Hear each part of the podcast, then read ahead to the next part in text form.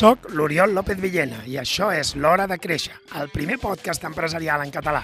Cada setmana parlem de com desenvolupar estratègies de creixement i executar prioritats per assolir els teus objectius. Segueix escoltant si busques idees, històries i experiències que t'ajudin a gaudir d'un negoci més rendible i divertit de dirigir. Som-hi!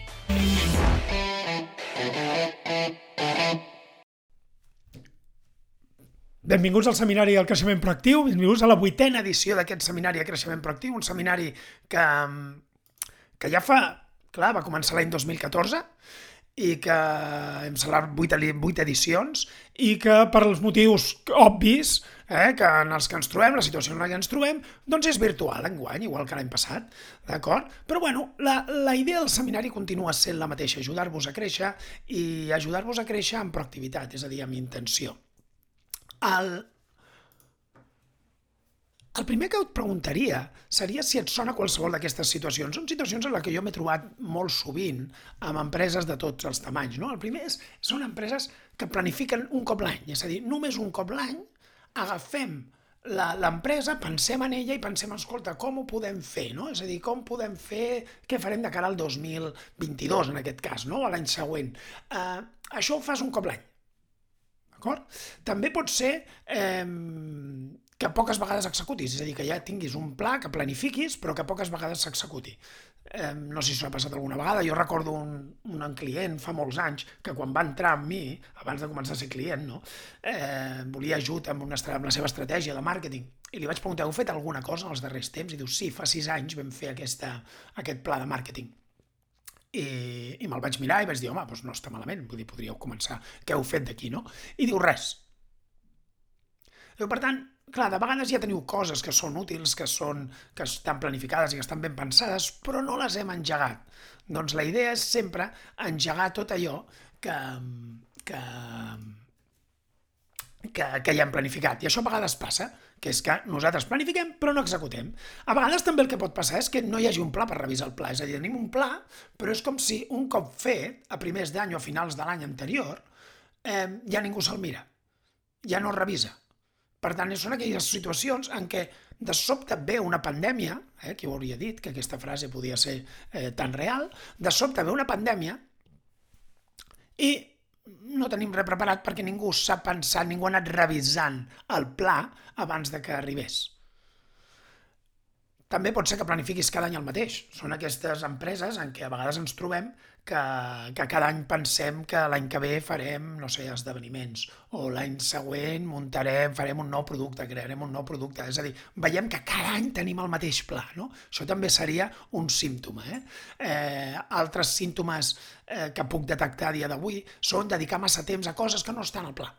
És a dir, tenim un pla, un pla ben establert, ens dedicarem més a l'estratègia, al màrqueting o, o, per exemple, crearem un nou producte, però la pràctica el que ens trobem és que no apliquem, és a dir, no dediquem temps a això i dediquem temps a altres coses, al dia a dia. La, un altre símptoma podria ser que sentim que perseguim els diners i no les prioritats estratègiques. No? És a dir, tenim el pla, tenim, la, tenim certes prioritats, però en canvi no tenim la sensació d'estar seguint un pla, sinó que tenim la sensació d'estar buscant diners. Què vol dir? Per exemple, ve una oportunitat, ve un potencial client i no ens aturem a pensar si ens interessa o no ens interessa, si veiem que és bo o no veiem que no és bo, sinó que simplement diem, ostres, necessitem els calés. No? És com si sempre necessitéssim els calés, quan moltes vegades, mirant els números, en realitat no els necessitem. També pot ser que no cobrem prou pels nostres productes i serveis perquè no sabem com explicar-ho no sabem com explicar el valor que treu, eh, ni creieu que la gent li importi. És més, eh? són aquests casos d'Oriol, saps què passa? Que a la gent no li importa o sigui, el que jo aporto, perquè al final la gent l'únic que vol és un preu baix, eh, ràpid, sense gaire contacte i, i ja està. No? Eh, això també seria un símptoma que, que podríem atacar avui. La, la, la vuitena raó el vuitè símptoma seria que no passem prou temps pensant en el nostre negoci i en allò que el fa únic, sinó que dediquem massa temps a, a, en el dia a dia, sense pensar que, ostres, en què som especials? En què som especials? També pot ser que canviem de prioritats molt fàcilment, deixant que altres les marquin, i sense estudiar-ne l'impacte ni el cost. Per exemple, si jo vull parlo i expliquem coses, vosaltres de sobte pensareu que les prioritats que jo us he marcat són les més importants. Vale, això és deixar que els altres us marquin les prioritats. Això és deixar que els altres us les marquin. D'acord? En canvi, eh, i això es provoca moltes vegades pel viatge d'immediatesa, és a dir, l'últim que hem sentit és el que més efecte té en nosaltres, malgrat que no sigui a vegades el més important o el més rellevant per nosaltres. Tant, això també podria ser un símptoma, anar canviant de prioritats constantment. També a dedicar poc temps a polir les, les, activitats, les habilitats directives. Em trobo molts empresaris que porten anys dient que ells no són empresaris, podríem dir que no els han educat amb això, no, és que jo no he estudiat economia, administració i direcció d'empreses, per tant jo no ho soc, però ningú, però no, no inverteixen en ells mateixos, no milloren les seves habilitats directives una de les, una de les, podríem dir, de les motius principals pels quals jo molt sovint estic fent d'assessor ja no de consultor, ja no això, sinó d'assessor d'empresaris, és perquè els ajudo a millorar les habilitats directives. És a dir, no, a vegades no és necessari, o a vegades no és ni fins i tot ni interessant, fer un MBA. De vegades sí que ho serà, d'acord? N'he recomanat més d'un, eh, o programes de, de, de direcció, però hem d'estar constantment aprenent i millorant i polint les nostres habilitats directives. També pot passar que no passem prou temps de persones que ens facin pensar en gran, és a dir, estem constantment rodejats de la mateixa gent que ens diu que tot eh, no, ja està bé, no podem fer res, això. És a dir, una de les coses que jo he après al llarg dels darrers anys, potser ja bastants, ja 7 o 8, eh, rodejat d'una comunitat de consultors d'arreu del món, és que quan et rodeges de gent que pensa en gran, tu acabes també pensant en gran. Això vol dir que segur que tenen sus? No, caldrà molta feina, dedicació, esforç, d'acord? Però sí que és veritat que tindràs al voltant gent que et mourà, que et cridarà, que t'empenyarà. I tu, en canvi, si et rodeges de gent que no t'empeny, acabes frenant-te molt sovint. Per tant, això també seria un símptoma, que no passis prou temps rodejat de persones que et facin pensar en gran. Eh, també que la teva estratègia de màrqueting no acabi d'expressar el valor que portes. És a dir, a vegades l'estratègia de màrqueting es basa bàsicament en, en posar missatges a les xarxes a, a la babalà, explicar què fas i explicar quins productes vens, però no l'impacte que generes en el client, no el valor que realment aportes. Això en parlarem molt avui, però és important, d'acord? És a dir, quan veiem que la nostra estratègia de màrqueting bàsicament és repetir com un lloro quins productes tinc i aviam si algú me'ls compra, d'acord? I, I òbviament no ho fan. Llavors, és alguna, alguna cosa falla.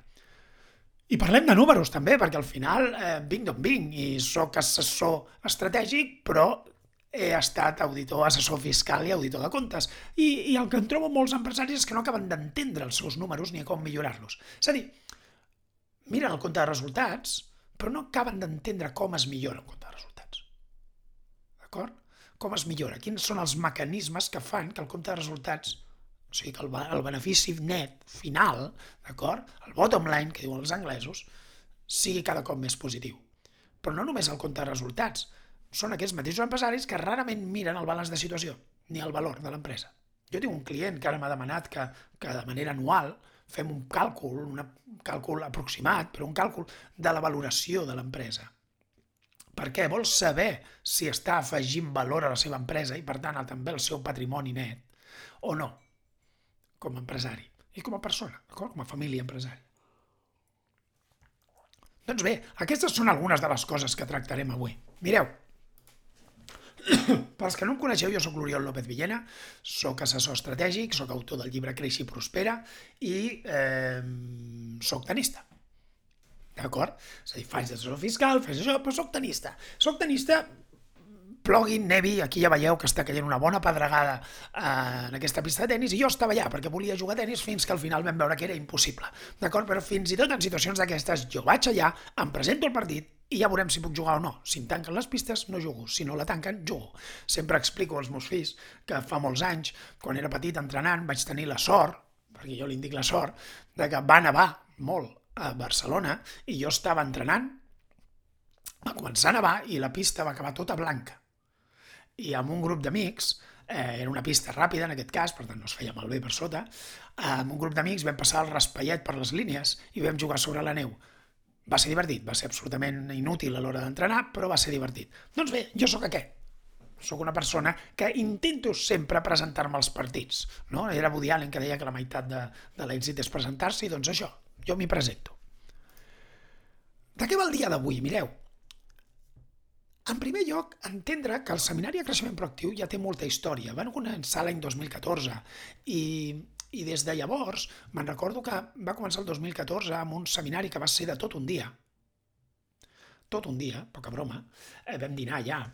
I, I el seminari va tenir poca gent, no sé si eren 13 o 14 persones, i, i, i va ser el primer dels seminaris. L'any següent el vaig convertir en migdies i durant uns anys va ser migdies. No? I el, el plantejament al final és que aquest tipus d'eines, aquest tipus d'estratègies, les que siguin, requereixen perseverància. D'acord? És la màgia de l'interès compost. Quan algú em diu, clar, tu perquè tens la sort de tenir eh, 2.000 no sé quants seguidors, eh, subscriptors al teu butlletí. Bé, no és sort, és perseverança. El butlletí al principi de tot no el rebia ningú, de fet. Sí, el rebia algú, família. D'acord? Eh, la meva mare, que va voler ser la primera subscriptora. Però a part de la meva mare, no hi havia ningú més. D'acord? I, i, I per tant és, vaig començar a construir a poc a poc. La gent es pensa que les coses són perquè sí. Eh, L'èxit financer, millor de Warren Buffett, d'acord, de Charles Munger, són, són èxits financers basats en l'interès compost. No són èxits financers basats en la, una jugada magistral, una inversió que els ha catapultat. En realitat és una qüestió del nombre d'anys que porten invertint i mantenint-se ferms en aquelles inversions i en aquella manera d'invertir. No?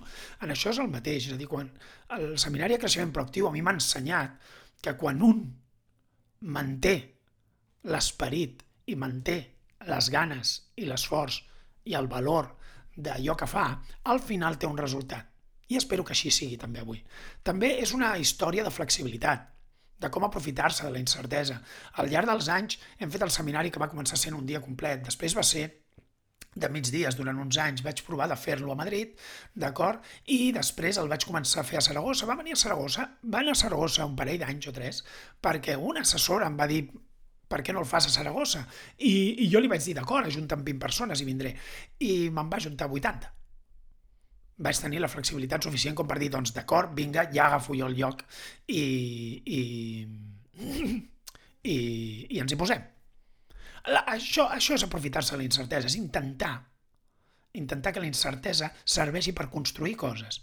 Quan amb tot el tema de la pandèmia, em situo l'any passat i no sé exactament com podré fer el seminari, el meu plantejament és, escolta, muntem-ho diferent i vaig fer una setmana. Vam fer tres webinars eh, dedicats al creixement. I enguany n'hem fet un. No perquè sigui millor ni pitjor, sinó perquè vaig detectar que tres potser era excessiu que era massa, un model massa semblant a d'altres que havia vist i que no m'agradaven, d'acord? Que era la, la sensació de, de, de ser una pallissa, d'acord? I que pensava que al final era una qüestió d'aportar l'objectiu. Però aquest objectiu, d'acord, fer un sol webinar també va anar combinat amb una estratègia dins del meu podcast de l'hora de créixer que acompanyava aquest seminari. De fet, avui per primera vegada, i segurament per última, no ho sé, aquest webinar serà part del meu podcast. Vull dir que el, el deixaré publicat com a part del meu podcast, com, el, com un capítol més del meu podcast, capítol 117 del podcast eh, L'Hora de Créixer.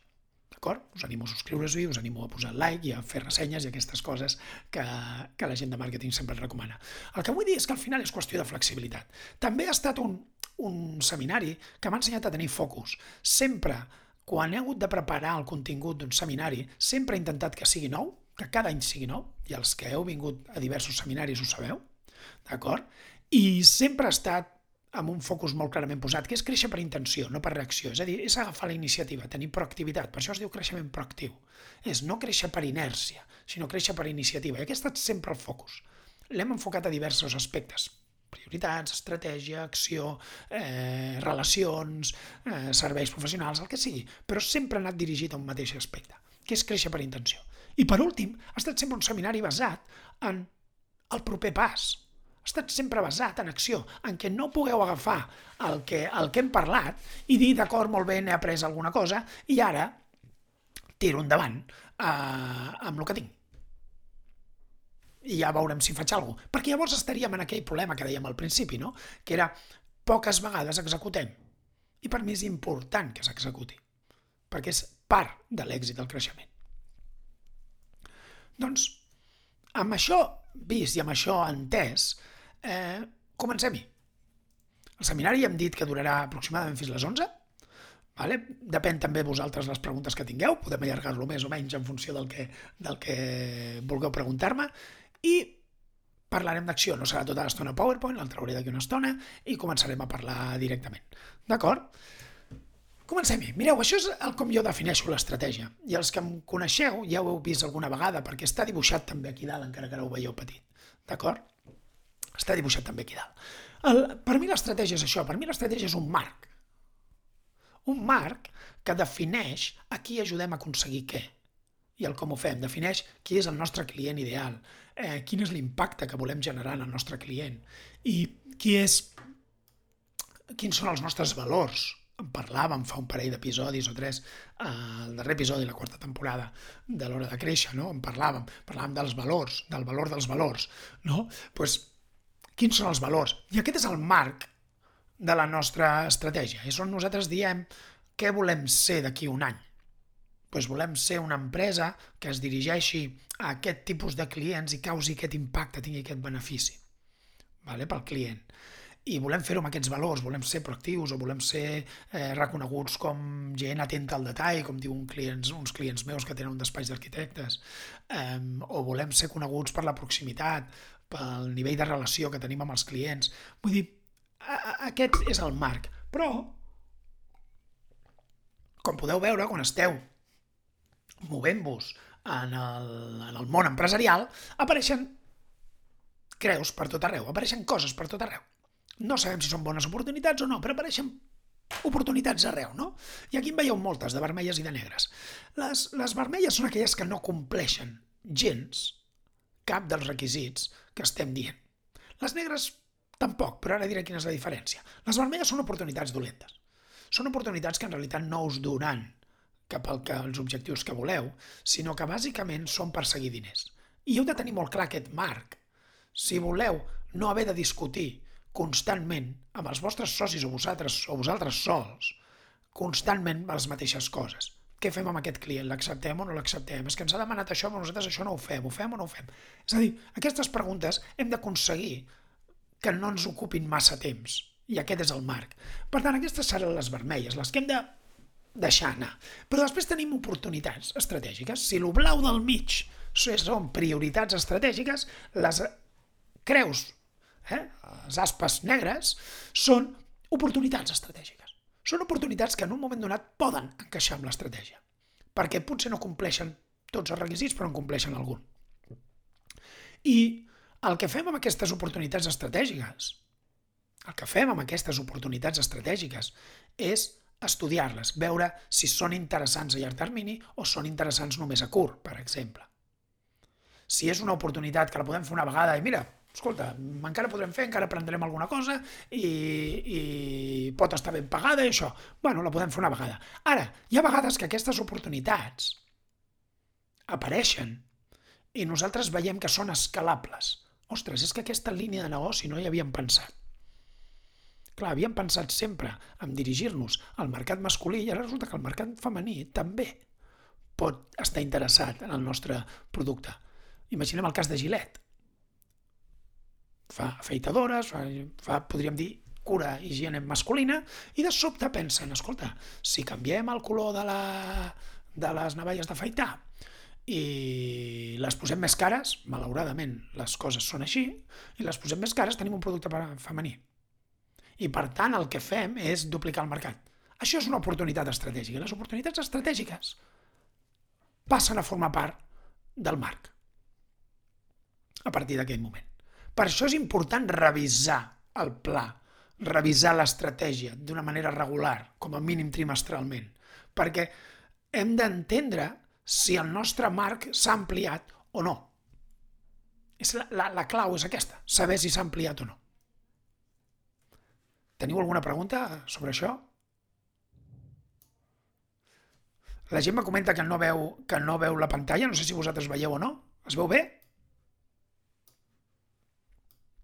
Si no es veiés, m'ho dieu, eh? Vale, perfecte. Llavors, tot això, com ho, com ho concretem? Mireu, la clau de la, La clau d'un negoci, i la clau d'un negoci rendible, fins i tot direm, és dirigir-se al client, tenir el producte i posar el preu adequats. Perquè si tenim el client ben triat, el client adequat, i tenim el producte adequat, però no tenim el preu adequat, és a dir, posem preus massa, massa baixos, o massa alts fins i tot, eh? ens quedarem sense recursos. Normalment seran massa baixos. Ens quedarem sense calés, sense recursos. D'acord? El que passarà és que no tindrem diners, perquè sí, molt bé, estem, tenim un client ben triat i després estem fent el producte o estem prestant el servei que toca, però com el preu és massa baix, això provoca que no ens surten els números. Quan no ens surten els números pot acabar passant dues coses. Una, que ens anem a la fallida. La segona és que comencem a retallar. I comencem a retallar els nostres valors. I què retallem? Retallem el producte, potser ja no oferim un producte de la mateixa qualitat, o tenim menys capacitat, és a dir, acomiadem gent perquè no podem mantenir el ritme, o fins i tot, o no contractem gent quan la necessitaríem per prestar aquell servei o fer aquell producte d'aquella qualitat, o bé comencem a acceptar qualsevol client. Per tant, el fet de no posar bé el preu afecta les altres dues, els altres dos cercles. Perdoneu. També pot ser que tinguem el client eh, ben triat, adequat, i posem el preu adequat, però que el producte no estigui ben pensat. Ja sigui per qualitat o ja sigui per capacitat. Llavors, això què vol dir? Que si no hem triat bé la qualitat o la capacitat del producte i, i posem el preu, no causarem cap impacte, serà fum. Posarem un preu, no sé, molt alt, d'acord? A un client que està disposat a pagar aquell preu, però després el client no rebrà el producte que esperava. I no el rebrà perquè o bé no la tenim la capacitat suficient, no dic habilitats a vegades, eh? la gent suficient, la maquinària suficient, d'acord?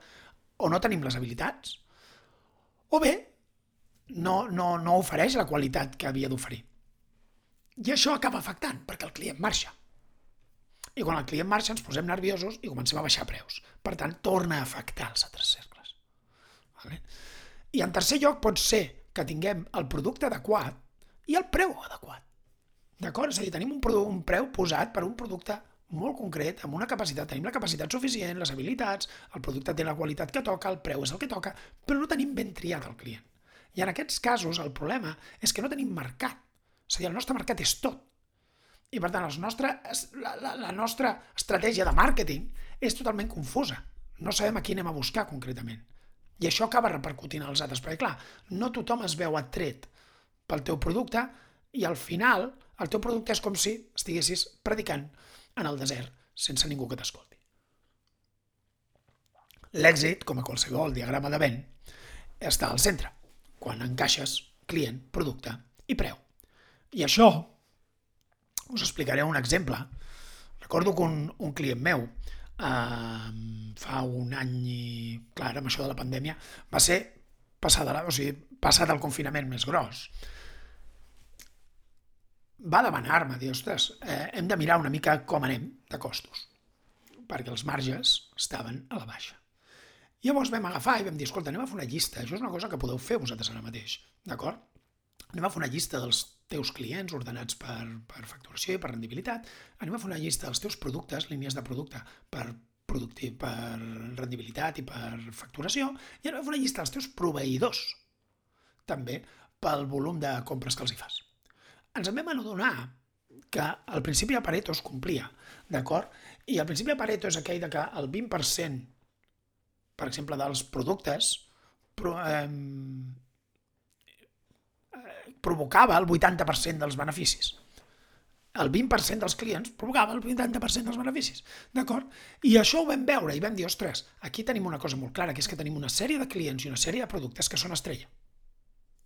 És més, ho vam enllaçar amb els proveïdors i vam veure que hi havia un 20% de proveïdors que eren aquells que els, als que els hi compràvem aquell i aquella matèria primera i aquell producte que després era top. Per tant, la cosa més graciosa, per dir-ho ara mateix, ja després d'haver-ho passat, és que hi havia un 80% de clients, un 80% de productes i un 80% de proveïdors que anaven pràcticament interactuant entre ells. I això provocava una despesa enorme a nivell logístic i a nivell administratiu. Bé, aquest client un any després havia duplicat el benefici net. Duplicat. I l'havia duplicat perquè havia entès que havia d'identificar bé qui eren els clients estrella, quin eren els, els proveïdors estrella, quins eren els productes estrella.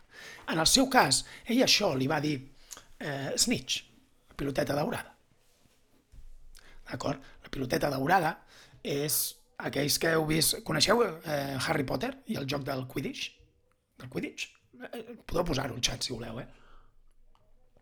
Us sé, és una cosa de friquis o de pares amb nens. En el meu cas és més de pares amb nens, tot i que sóc molt friqui per altres coses, però no aquesta.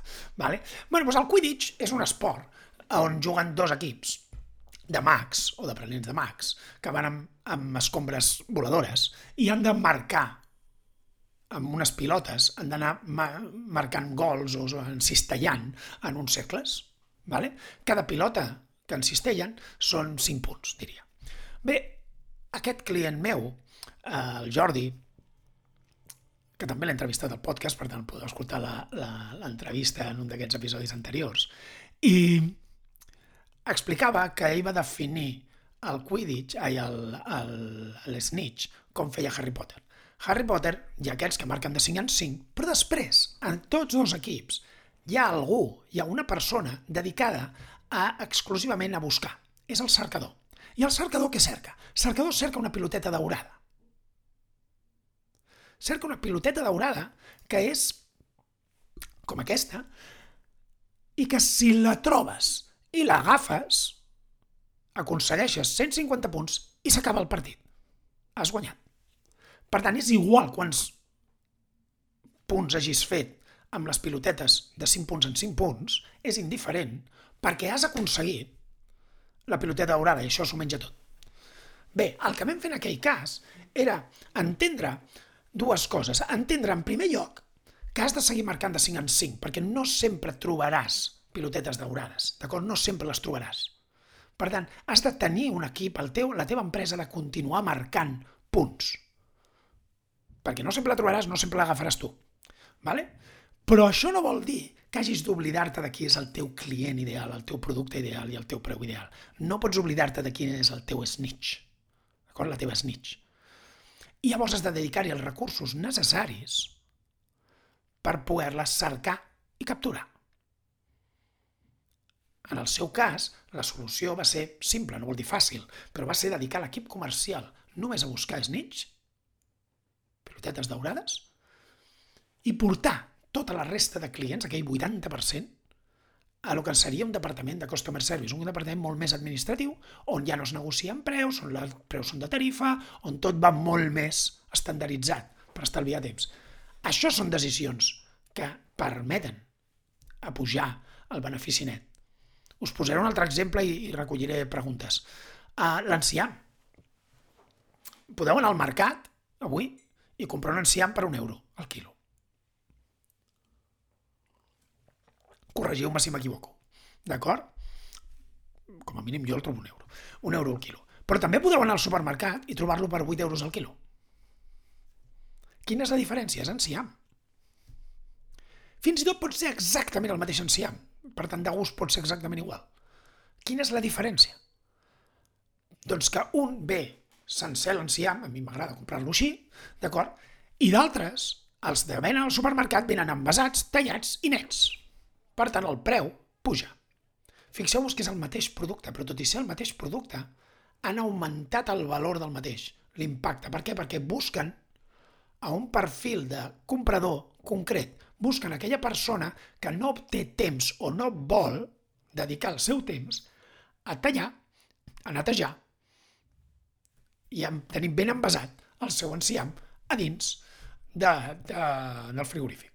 Jo recordo que a casa meva, nosaltres ho tenim diferent, però ma mare tenia l'enciam posat en, una, en un tàper gegant i ella el tenia ja tallat i, i, i net i tot per quan l'haguéssim de servir. Per tant, aquella feina ja la feia ella directament. Eh, nosaltres directament el tenim envasat, ni que sigui amb una bossa d'aquestes compostables. Però aquesta gent, aquestes empreses, el que fan és dir, pues jo te l'envaso i te'l netejo i te'l tallo. Així no t'has de preocupar ni d'això. Això és afegir valor. Això és trobar la piloteta daurada. Ara, mentre us demanaria que féssiu un, un, un exercici, no? que el farem ara i farem, que serà com identificar i crear la teva piloteta daurada. Dic identificar o crear, perquè a vegades la tenim ja, però l'hem d'identificar bé, i a vegades l'hem de crear des de zero. Vale? Mentrestant, teniu alguna pregunta? Així bec aigua? Veig que sí, eh? que es veia bé el... Teniu alguna pregunta? Podeu escriure directament al xat. Sempre que tingueu preguntes les podeu anar escrivint. Jo me n'aniré aturant de tant en tant i les miraré. Vale? I així respondré tot el que hi hagi per eh, aquí escrit. Aviam.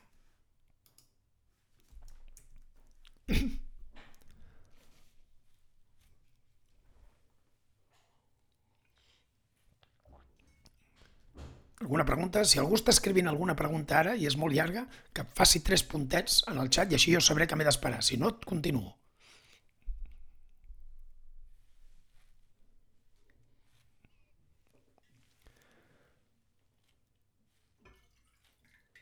Molt bé, doncs mentre feu les preguntes, jo segueixo. Llavors, com identifiquem i com creem o com creem la nostra piloteta daurada? Doncs triant bé el que hem dit, el client, l'impacte i el producte, el primer de tot. D'acord? Primer el client. Qui és? Què valora? Feu un exercici ara, feu un full en blanc, sembla que ho he dit diverses vegades quan promocionava aquest seminari, i els que han vingut a algun seminari ja saben que han de portar fulls blancs. Agafeu un full i agafeu un paper, ai, agafeu un, un llapis. Poseu-lo al vostre davant ara mateix, Feu aquest exercici, de debò, és una cosa que la gent no fa. La gent normalment escolta el que dic, però després no ho fa. I diu, no, jo ho faré després quan estigui més tranquil. No, feu-ho ara, no passa res. És millor fet que perfecte. Per tant, ho farem ara.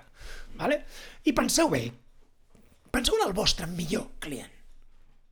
En tots els aspectes, no en termes només econòmics, que també, sinó en termes d'aquell client que us valora, que, amb qui treballeu a gust, que, que compra molts dels vostres productes o serveis. És a dir, penseu en ell o ella. Llavors escriviu com és. Qui és exactament? O sigui, que és, un, és una empresa d'un sector concret? És una persona concreta dins de qualsevol empresa? No? És a dir, si a vegades ens dirigim al sector, no sé, a empreses grans, pot ser que el nostre client no sigui tota l'empresa, sinó que sigui el comprador, el responsable de compres d'aquella empresa, no? És a dir, com és aquella persona. I la segona cosa és què valora de vosaltres. Què és el que valora? O sigui, què, què, què creieu quan heu parlat amb ells? Què valora? Perquè a vegades valoren la tranquil·litat de saber que presteu el servei que toca o, o, o teniu un producte que no fallarà. D'acord? Què valora realment aquest, aquest client? Valora la tranquil·litat? Valora el preu? Valora la vostra velocitat? Valora, valora la relació que teniu amb ell? Què valora? Escriviu si, si... Em perdeu, m'ho dieu, eh? La segona cosa és quin és l'impacte que genereu. Jo amb l'impacte us diria que féssiu el següent. Dibuixeu un quadrant amb quatre quadrants, d'acord? Un quadrat dividit per la meitat, horitzontalment i verticalment, i poseu en aquest, hi haurà quatre quadrants. Llavors, a dalt hi poseu empresa en una columna, persona a l'altra columna i en les files hi poseu, en una, a la primera fila hi poseu tangible i a la segona fila hi poseu intangible. D'acord? Llavors, aquells que vengueu, que estigueu, que el vostre client siguin directament persones, no siguin empreses, podeu esborrar la columna d'empresa. Però la resta, els que realment estigueu venent el vostre producte a una empresa, heu de centrar-vos en les dues. Vale? Heu de tenir les dues columnes. Llavors, agafeu aquestes columnes i vull que en cada quadrant hi poseu quins són els beneficis que rep el client amb el vostre producte.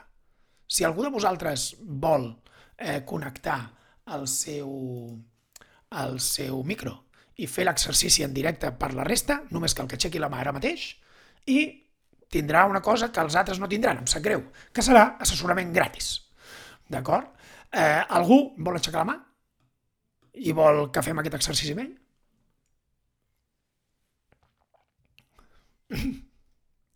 sembla que és al costat... Vale, molt bé, Albert, ara vinc. Diria que t'he donat... Espera, eh, que estic intentant buscar... Aquí. Albert, em sents? Pots parlar, em sembla, eh? Si tens micro. Si no tens micro no podrà ser. T'ho dic perquè has de, has de... Has de fer en mute. No pot ser? Doncs em sap greu. Un moment. Si no ja ho farem en... Sí? Pa... No, no, Albert Teixidor. Albert Teixidor que ha aixecat la mà. Bueno, sap greu, eh, Albert? Si no, després em truques i ho farem. Aviam. Carme. La Carme també aixecava la mà. Aviam si no funcionarà això. Has d'activar el teu micro, si no, no podem parlar.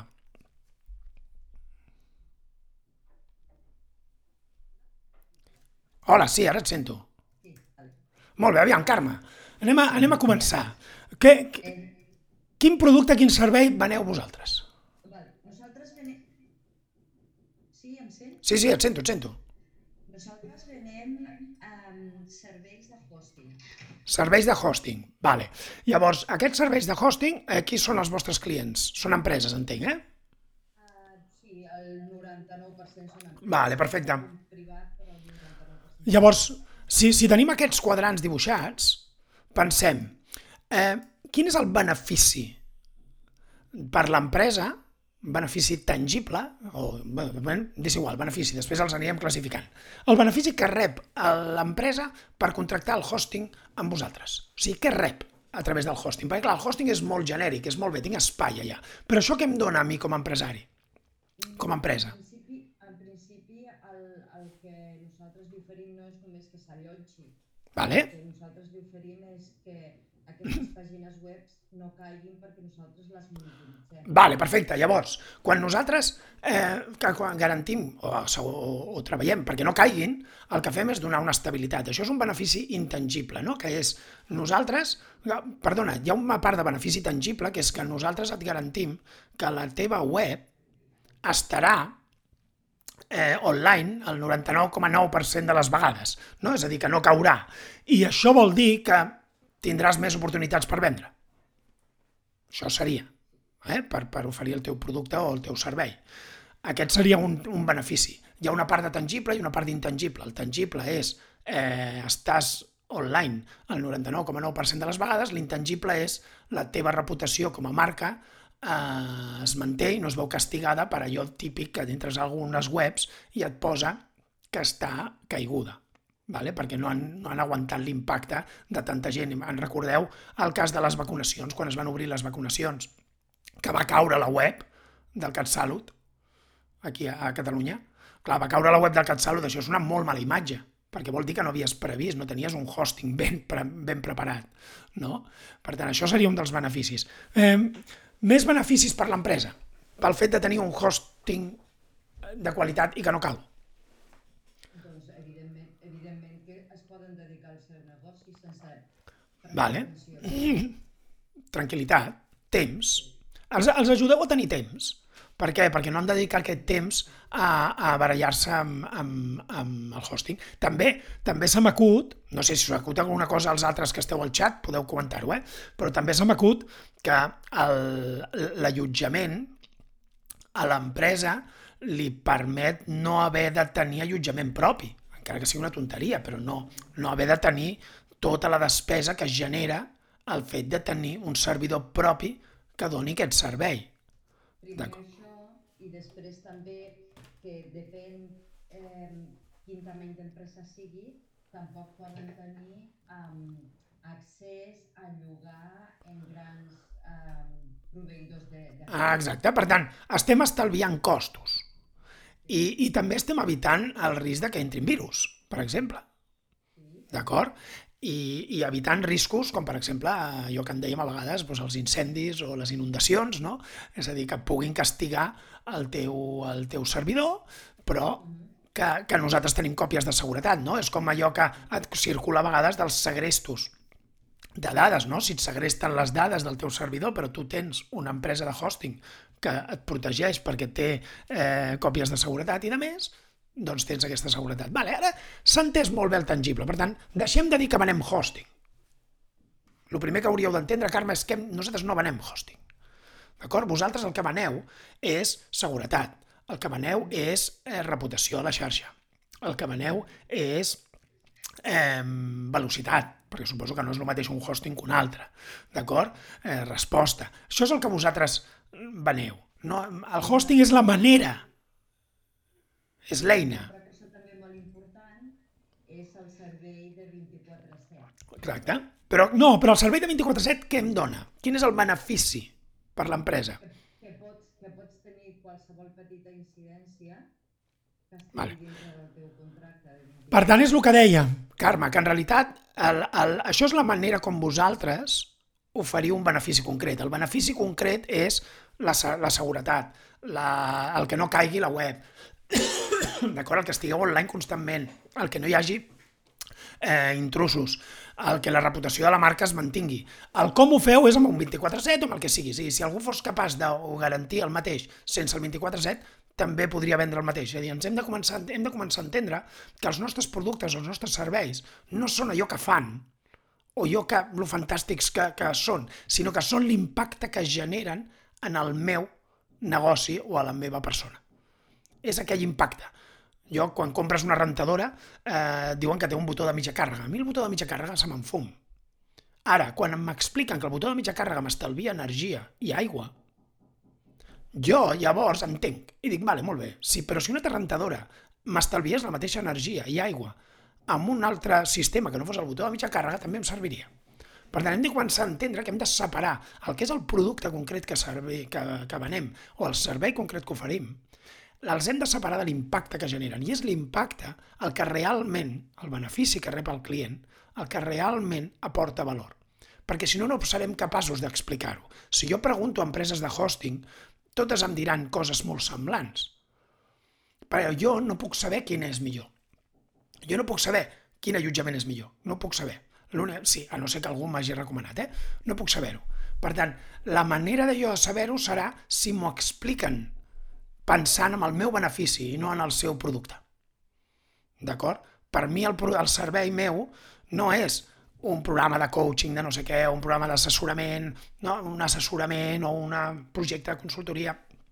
No és això, és créixer. D'acord? Podríem dir, és créixer, és definir una estratègia, és executar unes prioritats, és aconseguir uns objectius financers, això és l'important. El com ho faci és feina meva. Ho puc fer a través d'un llibre, ho puc fer a través d'una xerrada o ho puc fer a través de- d'un projecte concret. Vale? Per tant, entenguem això. I la segona part que la gent s'oblida, se n'oblida, és en la persona. Qui contracta aquest servei de hosting, Carme? Personalment, o sigui, qui dins de les empreses s'encarrega de contractar aquest servei? els departaments tècnics. Vale. Quin és el benefici?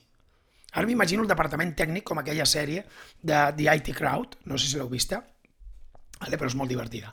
Vale? Llavors, m'imagino a, a, a- dos persones en una empresa, que són els, els, els, els informàtics de, de l'empresa, llavors aquests departaments tècnics truquen a una empresa com la vostra. No, no, no, no. No? Una cosa és qui ho contracta i una altra cosa és qui en definitiva ho demana. Ells són els que parlen amb els nostres tècnics o el nostre Sí, sí, però qui són ells? Qui són ells? Eh, Els tècnics, els del departament tècnic. Vale, doncs els departaments tècnics. Ara pensem... Sí, tècnics. Ja, ja, oblidem-nos dels nostres tècnics. A mi els nostres tècnics no m'importen gens ara mateix. A mi m'importen els seus. És a dir, qui ens contracta? Aquella persona que ens contracta, quin és el benefici de contractar-nos a nosaltres? Per ella, no per la seva empresa, per ella. Per exemple, moltes vegades una, empre una persona, un comprador en una empresa, eh, pot pensar, ostres, jo preu per preu, o fins i tot encara sigui una mica més car, prefereixo contractar-los a ells, prefereixo contractar la Carme, d'acord? Perquè sé que em dóna tranquil·litat i jo no vull problemes amb el meu superior. O sigui, jo no vull ni més feina jo, que per problemes que es generin jo hagi d'estar perseguint a l'empresa de, de hosting, d'acord? Ni vull problemes amb els meus superiors que em diguin com és que ha fallat la pàgina web. Per tant, el, el, el, el benefici per la persona concreta és, a lo millor, també estalvi de temps, és eh, això que has dit tu, tranquil·litat. També pot ser que si estem estalviant costos tingui algun tipus de bonus, d'acord? Si, la, si la web funciona bé, és una garantia que segurament hi haurà més possibilitats de vendre més. Si es ven més i aquella persona té un bonus, rebrà més calés, al final. Per tant, és un tangible per ell. Això és l'exercici que tots heu de fer. O sigui, heu d'agafar aquests quadrants i escriure tot de coses que siguin beneficis tangibles i intangibles per l'empresa i per la persona concreta que us està comprant. Sigui el director general d'una empresa o sigui l'últim mico. Sigui qui sigui, qui us estigui comprant, heu d'anar al seu benefici. D'acord? Aviam què és el que a aquella persona li afecta. Perquè molt sovint ens n'oblidem d'això. Estem massa concentrats en el benefici de l'empresa i no entenem quin és el benefici, l'interès particular que té aquella persona en contractar-nos a nosaltres. Teniu, uh, teniu alguna pregunta als altres? Carme, queda més o menys clar? Sí, queda clar. Vale. A partir d'aquí ens hem de fer la següent pregunta. Els altres, mentrestant, podeu fer les preguntes per xat, eh? Ens hem de fer la següent pregunta. Tenim la capacitat per oferir això? La capacitat. D'acord? Molt bé, volem oferir un producte d'una qualitat concreta. I hem dit que volem 24-7 i volem això. Molt bé. Però ara toca la següent part, que és, tenim la capacitat per fer-ho? És a dir, si calculéssim, agaféssim un calendari de tot l'any i miréssim quins dies de feina hi ha, quines hores de feina tenim, no? Pues si tenim, no sé, 46 setmanes, eh, més o menys, entre vacances i festius i això, d'acord? I aquelles setmanes, quantes hores de feina hi ha cada, cada dia? 8 hores, vale. Quants dies són lliures, no? Vacances i festius i dies que no treballarem. I quina feina és facturable, no? I quina feina no és facturable, d'acord? Llavors hem de, hem de començar a dividir tot això i dir, vale, quan necessitem fer? Per tant, aquest càlcul els hem de tenir clars, perquè aquests càlculs són els que ens permetran veure si podem oferir el producte que estem dient amb la qualitat que volem. Molt sovint passa que fem promeses que després no complim perquè no tenim capacitat per fer-la. Mm, vale? Llavors, aquesta és la, la pregunta que ens hem de fer. Carme, vosaltres teniu, clar, ara no, aquesta pregunta no te la faré perquè aquestes preguntes són internes, eh? però la pregunta que us heu de fer és si teniu la capacitat suficient per oferir el producte que oferiu. Jo sé que sí, perquè us conec, però, però en aquest cas no et faré respondre perquè els altres no, no, no ho sabran, eh? però, però aquesta és la pregunta que us heu de fer. Vale? Aquesta és la pregunta que us heu de fer tots que és qui és el nostre client, quin és l'impacte que generem i quin és el producte que volem oferir, amb la qualitat i la capacitat que volem, que tenim. Alguna pregunta? Mentre bec aigua?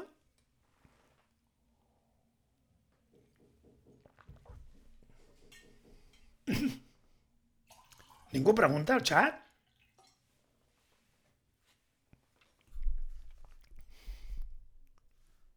Bueno, doncs mentre pregunteu jo segueixo. Mireu, així és com funciona. D'acord? Hem parlat de, de, de la part, podríem dir, genèrica, hem passat una mica més al detall i hem anat a identificar la nostra piloteta daurada. Així és com funciona una escala de, podríem dir, un gràfic de, de valor a la, a la nostra empresa. Així és com funciona. I, el, I aquest procés de valor, que jo en diria, té, tres, o sigui, té dos eixos. Un és el preu, l'altre és el benefici que rebo. Com més alt és el preu, més alt ha de ser el benefici que rebo. I com més alt és el benefici que, que rep el client, més alt ha de ser el preu. Per tant, a partir d'aquí hem de tenir productes distribuïts al llarg de tota aquesta línia. Vale? N'he posat tres per fer-ho més simple, però hauríem de tenir productes pensats per tota la línia, dins dels nostres mínims. És a dir, per nosaltres el mínim eh, del producte 1 no serà el mateix que el d'una altra empresa. Jo treballo amb, un, amb uns clients meus que tenen un despatx d'arquitectura i ells tenen uns mínims que altres despatxos d'arquitectes no. O sigui, eh, així com altres despatxos faran, al millor, només, perdoneu-me si, si dic coses que no són del tot acurades perquè no, no, no en sé d'arquitectura, eh? però si uns fan el projecte pur i dur, el just que es necessita perquè, perquè allò es tiri endavant, ells fan una mica més fan un punt més de seguiment, fan un punt més en el projecte és una mica més acurat, el que sigui, d'acord? Per tant, aquí marques tu el mínim. El producte 1 és el mínim que tu oferiràs. D'acord? I el producte 3 podríem dir que és la teva piloteta daurada. És aquell punt, el teu és niche, aquell punt on tu pots oferir el màxim del teu potencial. I per tant aporta molt més benefici i el preu també és molt més elevat. És allò que només tu pots fer. pràcticament. Posem un exemple. I després us tocarà treballar vosaltres. De fet, ja hauríeu d'estar treballant. Podeu dibuixar aquest gràfic. Quan jo vagi fent l'exemple, podeu agafar els vostres, les vostres dades. Farem l'exemple amb el meu cas. Vale? Eh, és el meu cas. Per tant, ara imaginem, no? Jo tinc, a part de les entrades gratuïtes, o sigui, a part de, del producte gratuït, que té un preu zero i té un benefici suficient, perquè ja hem dit abans que el benefici el marques tu el mínim, d'acord? Que seria el butlletí, esdeveniments com aquests, d'acord? Eh, dades i propietat intel·lectual compartida a les xarxes socials, imaginem que tenim tres nivells de client. És una mica més elaborat el meu, eh? però bueno, aquí servirà. El primer nivell és aquells autònoms o professionals que facturen menys de 100.000 euros i que bàsicament han de treballar més en el do-it-yourself, en el fes-tu tu mateix, que aprofiten aspectes que estan fets per molts, és a dir, van de zero cap a molts, per exemple, el llibre. No estic jo fent cada dia, no estic al teu costat llegint-lo, el compres i te'l llegeixes, per tant, zero, eh, podríem dir, feina meva nova i, i va dirigit a molts, és a dir, és un producte que sense fer res va fent, d'acord?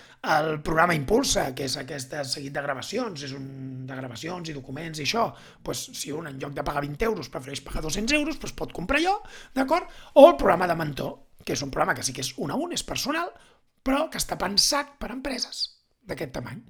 Fixeu-vos que hi ha uns productes creats per a un perfil de client concret. Això no vol dir que els altres no tinguin cabuda aquí.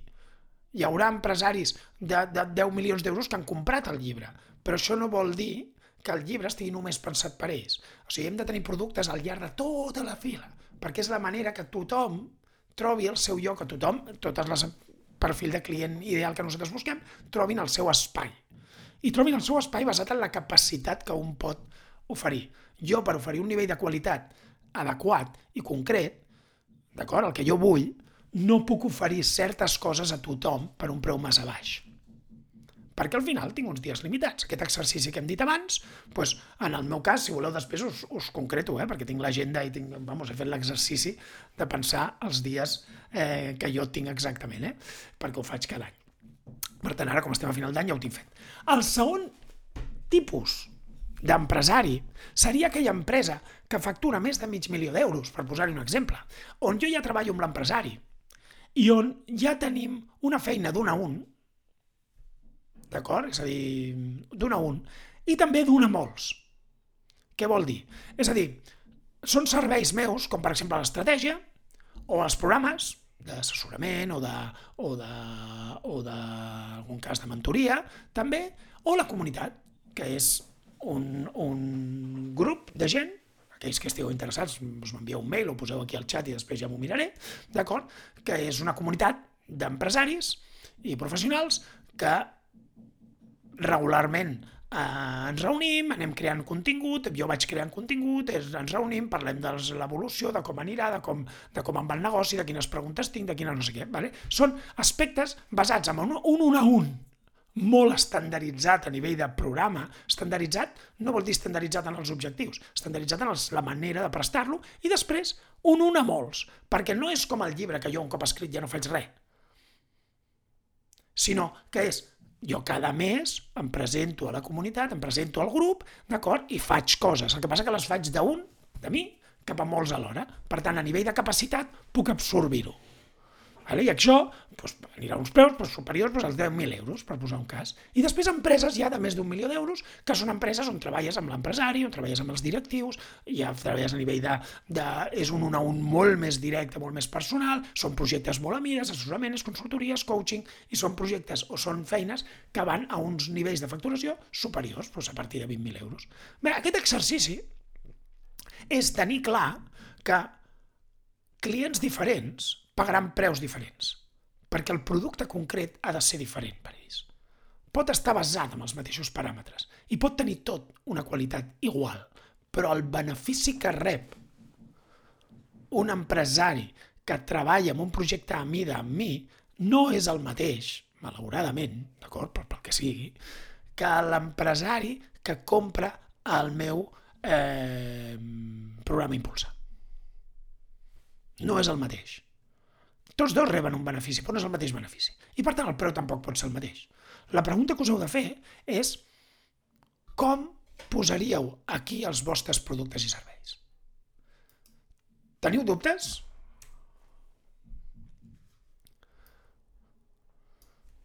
Teniu dubtes? Alguna pregunta? Que vulgueu posar al xat?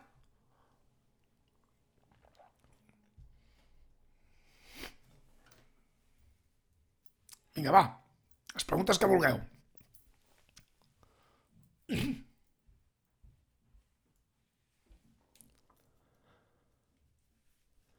Molt bé, el producte és per tots i totes. Ingrid. Clar, al vostre cas estem parlant de... Bueno, no, no sé si encara... Has de, has de dir-ho perquè tothom ho sàpiga. Mentre vas redactant la pregunta, jo t'ho vaig. A vegades, diu el Josep, a vegades aquests diferents productes requereixen els mateixos recursos. No val la pena dedicar-ho a la pilota d'or?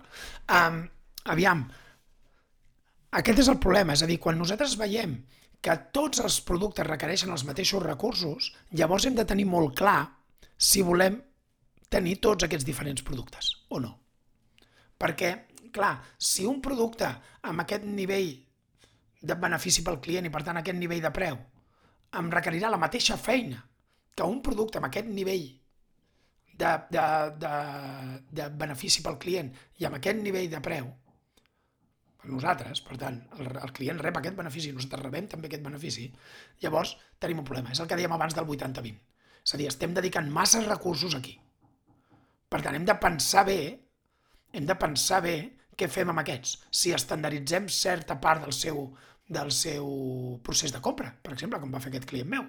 Crear un customer service molt més administratiu i que automatitzés certes, certes compres. O un altre client meu, que el que té és un, una plataforma a la web perquè els petits compradors, els que compren menys de 1.000 euros, d'acord, en el seu cas, puguin fer les comandes directament per internet i no hagin de passar pel procés comercial, que genera molta feina administrativa. Preparar pressupostos, discutir-los, negociar, bla, bla, bla, bla, bla.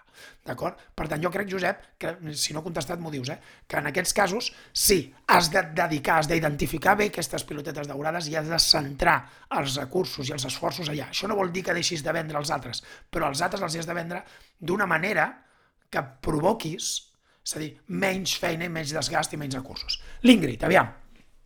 A veure, en el nostre cas el producte és per tots i totes. Proposem un preu per si són empreses menys de 250 empleats i un preu per si són fins a 500 empleats o si són més de 1.000 empleats. Però el producte és el mateix per tothom. Sí, és el que dèiem abans. És a dir, el producte, què passa? El producte és el mateix per tothom fins a cert punt. Si et fixes amb, la, amb, la, amb el gràfic que jo he posat ara, amb el meu gràfic, l'assessorament hi és als dos llocs. De fet, hi és als tres, perquè el mentor, el programa de mentor, hi és també. Ara, la manera com es presta aquest servei no és exactament la mateixa. Un programa de mentor està molt més estandarditzat. Aquells de vosaltres que esteu aquí i l'heu i l'heu gaudit, no? espero que l'heu gaudit, d'acord? Eh, sabeu doncs, que està molt més acotat, no? és a dir, està molt més estandarditzat. Doncs ens reunim cada 15 dies, tens accés a mi, em pots trucar, bla, bla, bla. bla. És a dir, té un... En canvi, un projecte a mida per a algú que vol un assessorament on hi ha part de mentoria, on hi ha part de proactivitat i d'això, és a dir, aquest projecte a mida, tot i que podríem dir que és el mateix perquè és assessorament tot plegat, el nivell d'implicació, el nivell d'informació, el nivell de, de, de proactivitat és diferent i, per tant, és més alt.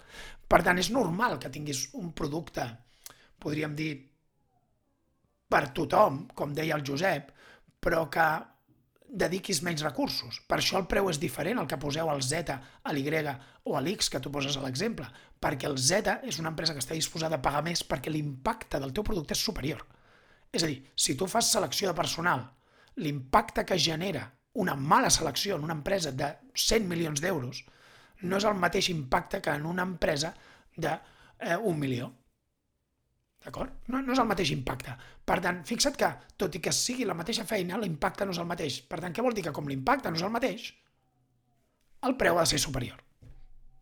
Espero que m'hagi explicat bé. Però l'important és que ho definiu bé, Ingrid, no tant en termes de la feina que genera dins del teu equip, o no, sinó en termes de quin és l'impacte que esteu generant allà.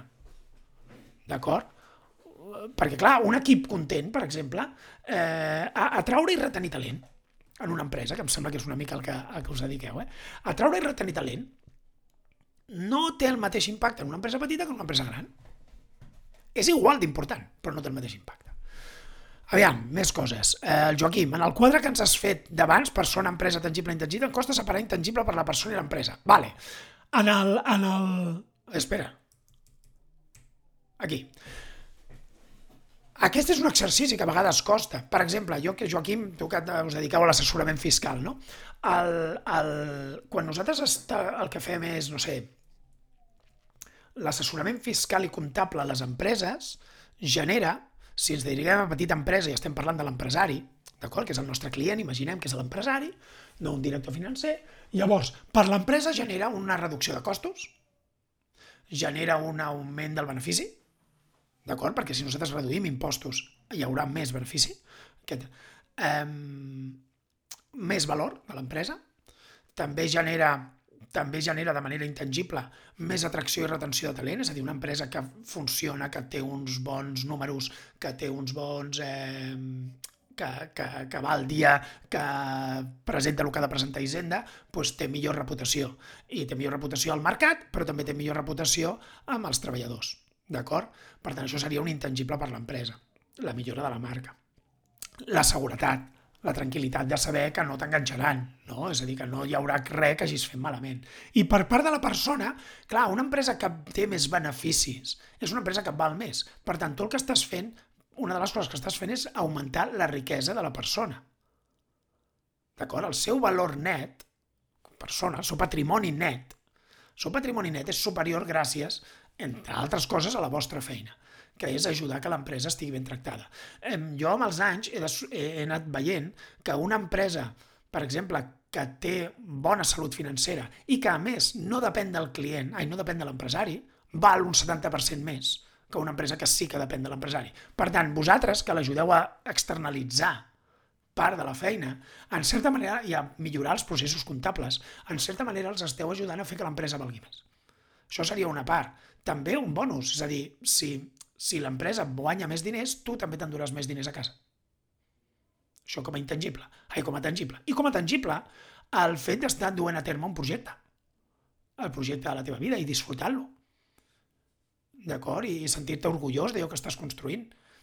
Per tant, no, no sé si t'he contestat, eh? però crec que a l'assessoria fiscal, a més és un exercici que he fet moltes vegades perquè he estat assessor i perquè tinc diversos clients assessors, eh, hi ha molt de benefici tangible i intangible que s'ha de tenir més en compte. El que passa que heu de crear, heu de, heu de fer aquest exercici de full en blanc diverses persones de l'empresa pensant això.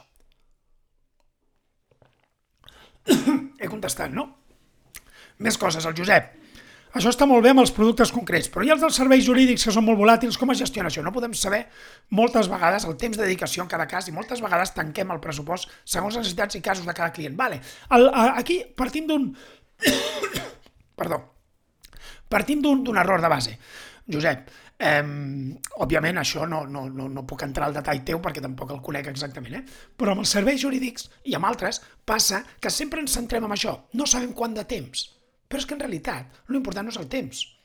Vosaltres podeu donar un consell jurídic en 15 minuts que valdrà un milió d'euros que causarà un impacte d'un milió d'euros a, la meva, a la meva feina o a la meva empresa o a la meva família, qui sigui. Per tant, quin preu té això? Això no pot ser per hores. Em sap greu, és a dir, el, el, jo entenc, eh, la, la, la discussió del preu per hora, jo em sembla que sóc el raro de, de tot el món dels consultors que parlen, eh, de, tot el, de tot el món, com a mínim, eh, català i espanyol, eh? que parlen de preus i que parlen d'hores i això. Jo crec que és que les hores no tenen res a veure. Les hores són la manera de no enganxar-te els dits, en tot cas, i, i poder calcular la, la, la rendibilitat. Però no és la manera de posar el preu. Crec que quan no posem, quan, quan t'arriba un cas, el que heu de fer és fer les preguntes adequades per anar omplint aquest quadrant per cada cas. En el vostre cas no teniu productes i serveis concrets, per tant, a cada reunió D'acord? Jo tampoc. Jo, quan faig projectes a mida, m'assec amb un empresari i comencem a parlar de tot això. Quin és l'objectiu? Com et beneficiarà això, què aconseguirem si aconsegueixes aquest objectiu, i allà anem delimitant. Ell no ho veu en el quadre, a vegades sí que l'ensenyo el quadrant, eh? però jo el que estic fent mentalment és situant el benefici en el lloc que toca. de manera que quan faci el meu pressupost quedi expressat tot allò que hem parlat i hem acordat d'una manera que s'entengui l'impacte que estic generant. I amb aquell impacte puc posar un preu. T'he contestat, Josep? Si no, digue-m'ho, eh? El Joan. Sovint grans clients amb l'objectiu de saber com treballes prefereixen començar per compres de petits serveis. En aquests casos sovint acabes entregant més valor del que el client paga. Vale, sí, això forma part del, del salt. És a dir, la major part dels meus clients, per no dir jo no sé si tots, però la major part dels meus clients, sobretot a les branques eh, de la mig i de l'esquerra i de la dreta, del gràfic que veieu, venen eh, a través de l'estratègia. O sigui, venen a través d'una feina d'estratègia. Fan una inversió, paguen eh, per l'estratègia, pel projecte estratègic, doncs entre, entre 5 i 15.000 euros, no? el millor, entre, depèn l'empresa, i, i a partir d'aquí entren després a aspectes com l'assessorament. Això és habitual, és normal. És igual que aquell empresari que el primer que fa és comprar el teu llibre, o ve a, una, ve a un seminari, o, o compra el producte del programa Impulsa. És a dir, al final això és normal, per tant hem de tenir clar, però això no vol dir que li haguem d'aportar més valor del que el client paga. És que sempre el valor és, la, és una divisió, d'acord? El valor es calcula dividint el benefici que rep el client dividit pel preu que paga.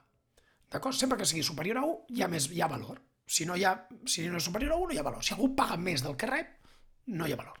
Per tant, sempre el client ha de rebre més del que paga perquè hi hagi valor, si no, no serà valor afegit. Vale? El, el problema és que moltes vegades aquesta bé, aquest benefici, entenem només com l'impacte normal, però jo li poso una P al costat, que és el benefici percebut pel client. És el benefici percebut dividit pel preu, perquè molt sovint ja estem aportant aquest benef certs beneficis, però el client no els perceps. Per això us dic que feu aquest exercici del quadrant. Perquè us permetrà situar i donar aquest, o sigui, fer perceptible el valor que el benefici que aporteu. Quan jo parlava de la rentadora, el fet de que a mi em vingui algú i em digui té un botó de mitja càrrega no em serveix de res, no és perceptible per mi. En canvi, que algú em digui que aquesta rentadora t'estalviarà energia i aigua, t'estalviarà diners. Això és perceptible per mi. Fixa't que és el mateix producte, però en un cas m'ho ha fet percebre, en l'altre cas no. Per tant, a vegades sí que tenim, sempre tenim aquests productes que són productes d'entrada, d'acord? De fet, en un negoci com el meu, el producte d'entrada inicial és subscriure's al meu butlletí. És gratis, arriba molta gent, un volum molt elevat, d'acord? És allò que en dèiem zero to many. Jo el faig, eh? de zero a molts, jo el faig i pum, i queda allà. Ja està. D'acord? I, I més gent se'n beneficia i se'n van beneficiant. A poc a poc van entrant, hi ha gent que pot fer salts i tu, empresarialment, tu pots crear una estratègia on permetis o on promoguis el salt. D'acord?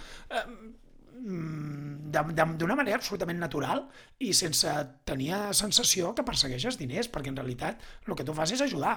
O sigui, a tota la gent que, que ha estat que, que han estat clients meus, podríem dir, saben que quan arriba al final d'un projecte jo ofereixo vies de continuació, de continuïtat.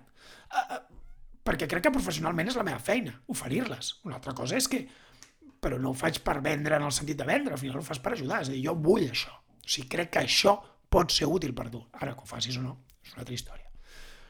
Vale? Em sembla que t'he contestat, Joan, si no m'ho dius, eh? Toni, com calculen l'import les empreses jurídiques als seus clients? Treballo amb una que crec que la seva tarifa és molt elevada. Tinc pànic a canviar per una altra. Mm. Dic el mateix que el Josep, però al revés.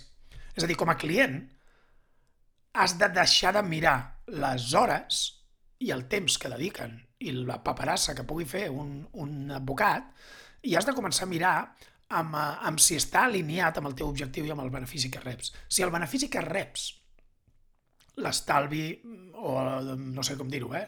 La, evitar una sanció o recuperar uns diners o el que sigui, és superior al preu que pagues, doncs el preu pot ser més alt o més baix, però, però, però t'està aportant valor. A partir d'aquí, com pots comparar eh, diversos despatxos? Pues una manera molt simple, veure si està alineat amb els teus objectius. Jo quan faig una proposta sempre poso els objectius que persegueix el client i el benefici que pot rebre que, que rebrà el client, l'impacte que tindrà assolir aquells objectius en el seu negoci.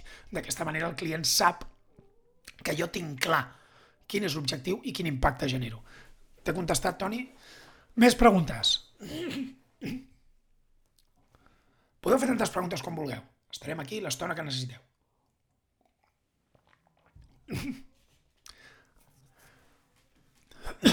Mentrestant seguim. Vale? Llavors, a partir d'aquí, us toca a vosaltres. O sigui, jo l'exercici que us demanaria que féssiu és que agaféssiu aquesta, aquesta, aquest gràfic, el dibuixéssiu en aquell full de paper que teniu al davant, que hem dit abans, i situeu a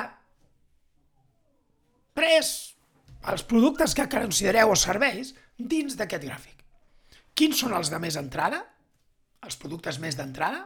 O situats per empreses més petites? Per exemple, si ens dirigim tot a un tipus d'empresa concret o un tipus de client molt concret, és a dir, fem de tot, el que diferenciarà serà que el producte serà més d'entrada i més de, del nivell. Per tant, crearem un producte d'entrada que permeti accedir a d'altres productes. Si el que fas és que tenim perfils de clients una mica diferents, doncs els productes s'adaptaran a això. Per tant, el primer és situa els teus productes i serveis en aquest gràfic. Dediqueu-hi una estona.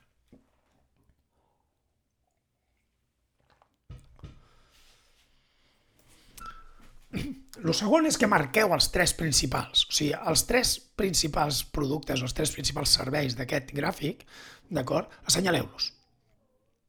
Quins són els principals? I mireu on són. Si són a la part 1, al producte 2, al producte 3 o a, a quina part de la línia. Oblideu-vos de si són 3, eh? poden ser 25, o sigui, no. És a dir, a quina part de la línia estan. Penseu què manca, què sobra. Què hi faltaria aquí? podeu compartir-ho pel xat, és a dir, considereu que us falta algun producte al mig, o a dalt de tot, o a l'esquerra? Què és el que us falta a dia d'avui? I què sobra? Teniu massa producte o esteu prestant serveis eh, que requereixen molts esforços a un nivell molt baix? Assenyaleu-lo també, tatxeu-lo. Això és un exercici. D'acord?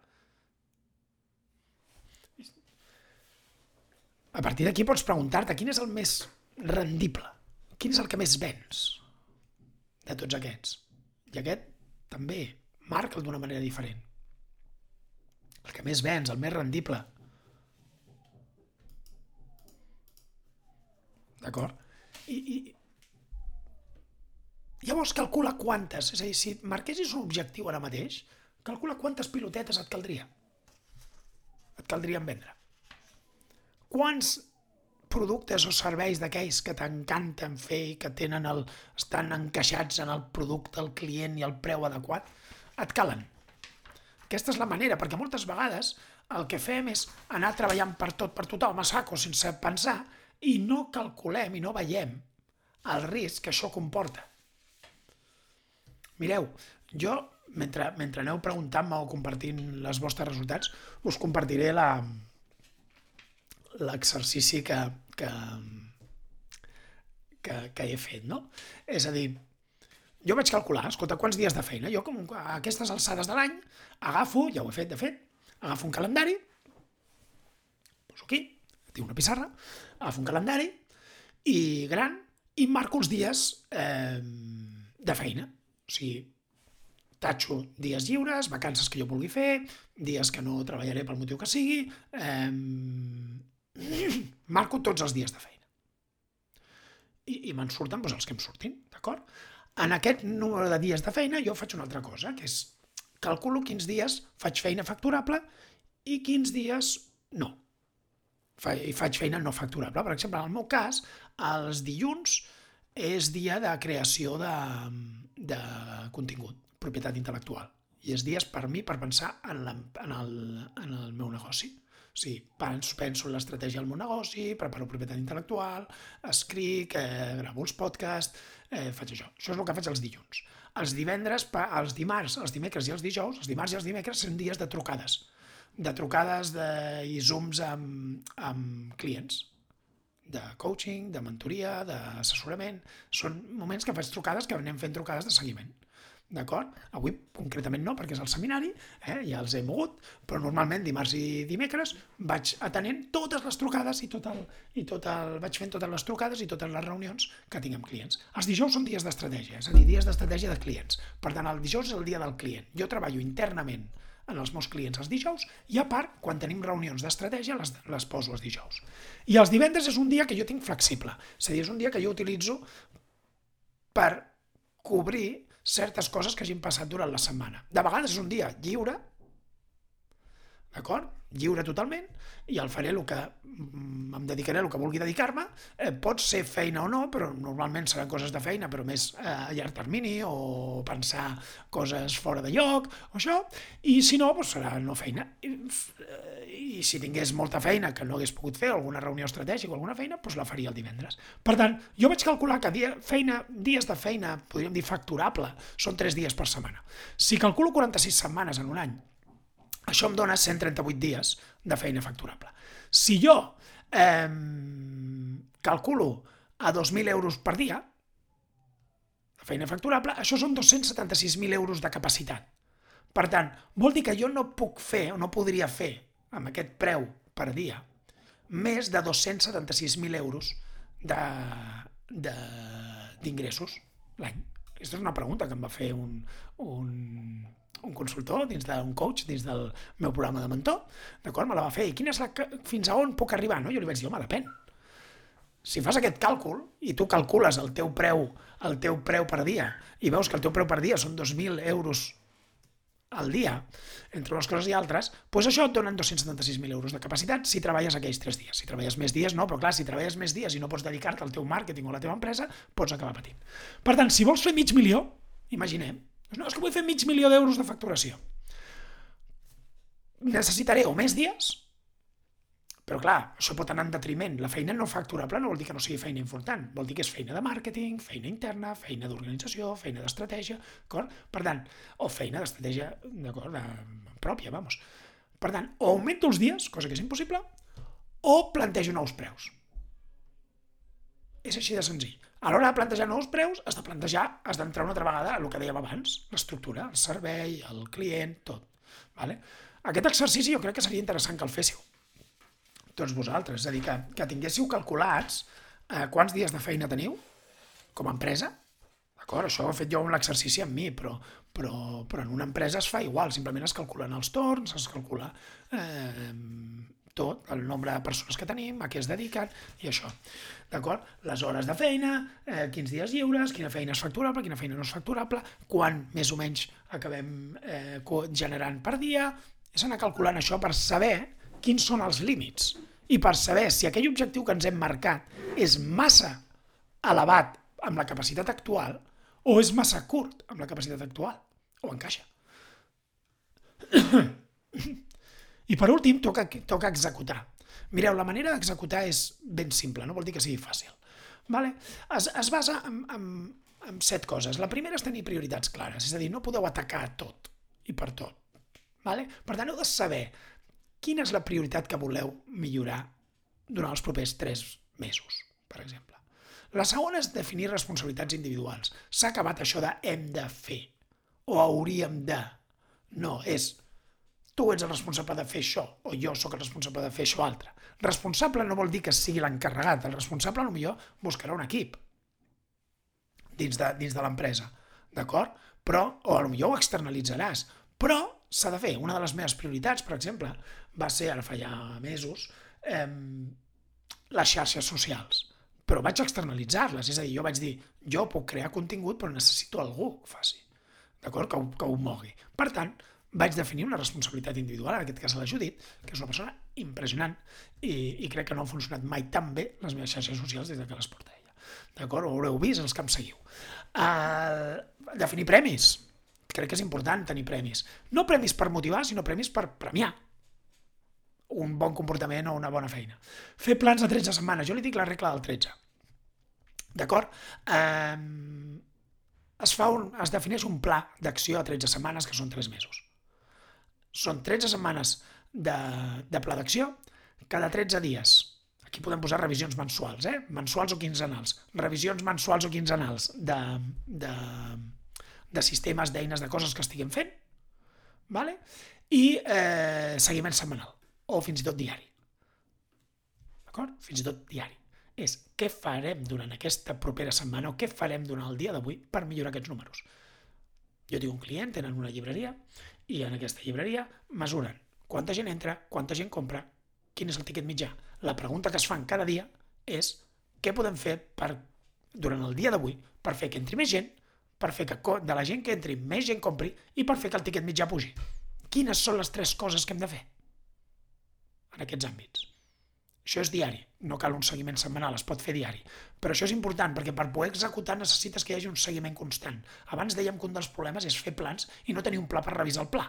Doncs bé, això és un pla per revisar el pla. Vale? El... Per últim, ha d'estar visiblement liderat per tu. I parlo liderat, no fet. Si com a, com a empresari, si estem sols, no hi ha problema, som nosaltres i ho fem.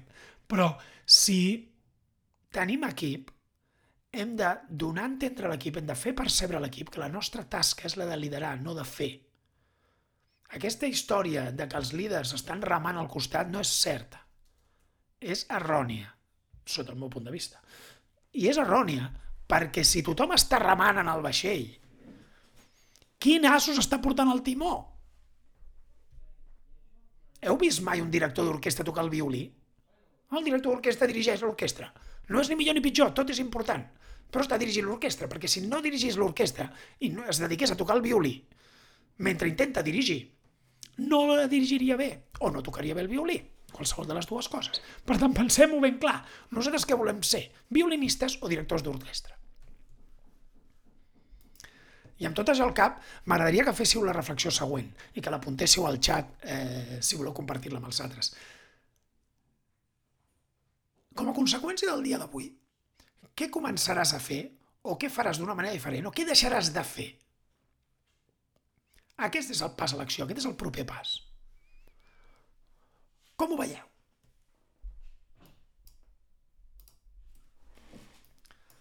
I ara sí que obro el torn de preguntes completament i si voleu podem anar comentant. Teniu preguntes? Josep, clar, ser director d'orquestra. Vale, però si ets director d'orquestra, estàs, a dia d'avui toques el violí?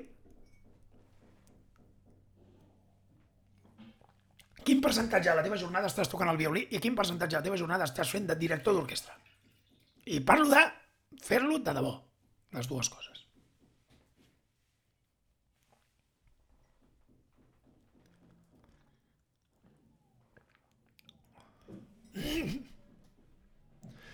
La responsabilitat individual és una gran eina per fer feina facturable. L'1 a 1, l'1 més 1 no fan 2, en la feina es perden hores en reflexions i discussions. Sí, per mi la responsabilitat individual no vol dir feina individual. És a dir, l'altre dia estem, estem fent un projecte estratègic amb una empresa i a l'equip directiu pues, se'ls van assignar responsabilitats individuals d'acord a les diferents persones que hi havia allà.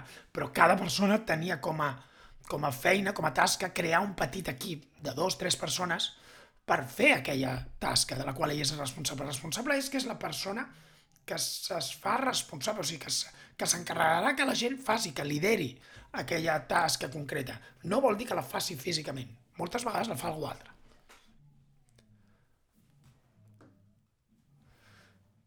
Jo que vaig tenir un despatx, com fer el canvi quan toques tots els pals a que la gent comenci a tocar els pals per tu dirigint dirigint tu, eh, dirigint-ho. Com fas el canvi? Petits canvis en sec, petits canvis. Pa, depèn. El, el, la comunicació és en sec, en el sentit de que el fet de dir, nois, això no pot seguir així, perquè a dia d'avui això és una orquestra sense director, o sigui, no posis mai la culpa en l'equip perquè no la té. De fet, no busquis culpes. És, el millor és buscar causes. Al llarg dels anys hem pensat que la millor manera de dirigir aquest despatx era eh, estant tots fent la feina però hem acabat concloent que això no està funcionant. Ni vosaltres esteu creixent professionalment, ni jo us estic donant les oportunitats eh, perquè aneu a créixer més endavant. Per tant, el que haurem de fer durant els propers mesos i anys és eh, definir molt bé qui fa què. Perquè el meu objectiu és que vosaltres creixeu com a professionals i que coses que a dia d'avui faig jo, però que són de molt nivell i que us, us poden permetre créixer molt i, i, i professionalment, vull que les feu vosaltres. Jo sempre explico el cas, jo feia un... En el despatx no en teníem gaires, en teníem dos, d'empreses de grups consolidats eh, i feien imposts sobre societats consolidats i els feia jo i, i vaig agafar un dia i la vaig, ho vaig traspassar a l'Amparo i ella, a dia d'avui, un cop el meu despatx va ser venut, és la que dirigeix això en aquell despatx més gran. I és una persona que ho va aprendre des de zero. Li vaig passar, em vaig estar atent i vaig estar a sobre i vaig fer una mica de mentor d'ella perquè pogués, pogués fer-ho. Per tant, et diria, el primer, el problema de molts despatxos i també d'empreses de, que no són despatxos professionals és entendre que hi ha jugades mestres. És a dir, que l'Oriol arribarà allà o que tu arribaràs allà, mouràs una peça i tot funcionarà. Això no és cert, d'acord? És a dir, hem de saber que trencarem coses. I que, però la gent estarà disposada a trencar coses, a dir, a dedicar més temps a les coses, a tenir una mica més d'estrès, si saben el motiu. I, per tant, moltes vegades el que fallen els despatxos és que no hi ha una estratègia. I els treballadors això ho veuen i ho perceben escolta, nosaltres ens dirigim a aquest tipus de clients, busquem això, busquem això, busquem això, i a més farem d'aquesta manera. Quan tu expliques això, dius, i a partir d'ara prendrem decisions orientades a això. Llavors el client ho entén, ai, el treballador ho entén, perquè veu que les decisions que tu estàs prenent encaixen amb un pla. Pot ser que un treballador no hi estigui d'acord amb el pla i marxi. Pot passar. Però en realitat serà millor per tu. Sembla que he contestat, eh, David? Si no, m'ho dius. Gustavo, ¿cómo hacer si debes dirigir la orquesta y tocar aquellos instrumentos más complejos de tocar, los que el equipo no sabe tocar, no los toca de forma afinada? Va, buena pregunta. Mira, yo, Gustavo, siempre en esto, digo que cuando, cuando delegar tiene dos componentes. El primero es mentalidad, es decir, eh, para poder delegar, por muchos métodos que nos expliquen, necesitamos em, decidir de manera clara y contundente que sí que estamos dispuestos a asumir los riesgos y los costes que comporta delegar. Y ese es el primer, el primer paso. Y aunque parezca muy abierto y muy fácil de responder, sí, sí, estoy preparado, no, no es tan sencillo. Por tanto, lo primero es tener claro que se van a romper cosas y que no va a ser fácil, ¿de acuerdo? Mentalidad. Y la segunda es pensar en el mensaje que damos, que mandamos al trabajador cuando no delegamos ciertas tareas. Cuando los instrumentos más complejos no los delegamos, ¿Vale? Estamos mandando dos mensajes. El primero es tú no vales. Este es el primer mensaje que le mandamos al trabajador. Es tú no vales. No sirves para esto. No, no tienes ni idea. Por eso lo hago yo.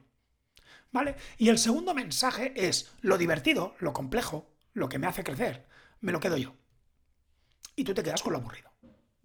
Con lo mecánico, con lo que ya sabes hacer. Este estos son los dos mensajes que transmitimos. Por lo tanto, tenemos que tener claro cuando no delegamos qué mensaje estamos transmitiendo. ¿Estos dos mensajes son dos mensajes que queremos mandar a nuestro equipo o no? Si la respuesta es sí, ningún problema. Si la respuesta es no, bueno, ningún problema, los problemas son otros. Pero si la respuesta es no, no queremos mandar estos mensajes, entonces tenemos que empezar a marcar un proceso de delegación. Entonces sí que podemos empezar a delegar.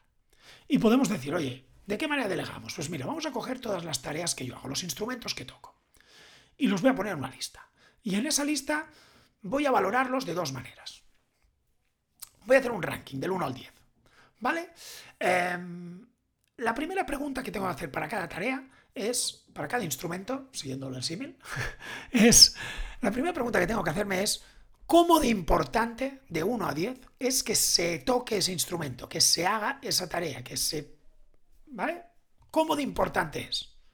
Siendo un 10, es básico, imprescindible, si no se hace, podríamos decir, morimos como empresa, ¿de acuerdo? Caemos del todo, y siendo un 1, no es importante, nadie se dará cuenta, nadie lo notará nunca. Y nosotros podemos pensar que hay cosas que todo es 10, pero en realidad cuando nos podemos a pensar sin filtrar, vemos que hay cosas que a lo mejor no eran tan importantes que se hicieran. Simplemente lo estamos haciendo pues, por costumbre, porque creemos que el cliente lo valora, porque creemos que es lo que tenemos que hacer, que se ha hecho toda la vida así, por el motivo que sea. Pero hay que tener muy claro que cuando yo digo de 1 a 10 es porque no quiero hacer sí o no. Es porque las cosas tienen graduaciones, ¿vale? La segunda pregunta que tenemos que, hacernos es, de 1 a 10, ¿cuán importante es que lo haga yo concretamente? Es decir, ¿afecta a alguien que lo haga yo o no. Por ejemplo, si un cliente llama cabreado y quiere hablar con Gustavo, pues es muy importante, si es uno de los buenos clientes, si es un cliente importante, es 10 en importancia de hacerlo, porque el cliente está cabreado, es un buen cliente y hay que atenderlo, y 10 que llame Gustavo. ¿Por qué? Porque quiere hablar con él, porque es quien manda. Por lo tanto, en este caso esto no se delega. Ahora, si tenemos que hacer, no sé, un análisis de un balance, ¿Es importante que se haga porque el cliente tiene que hacer una escisión, tiene que hacer vete a saber qué? Sí, será importante, un 8, un 9, un 10, lo que sea, ¿vale? ¿Es importante que lo haga yo, concretamente? Aquí en realidad podríamos decir, no.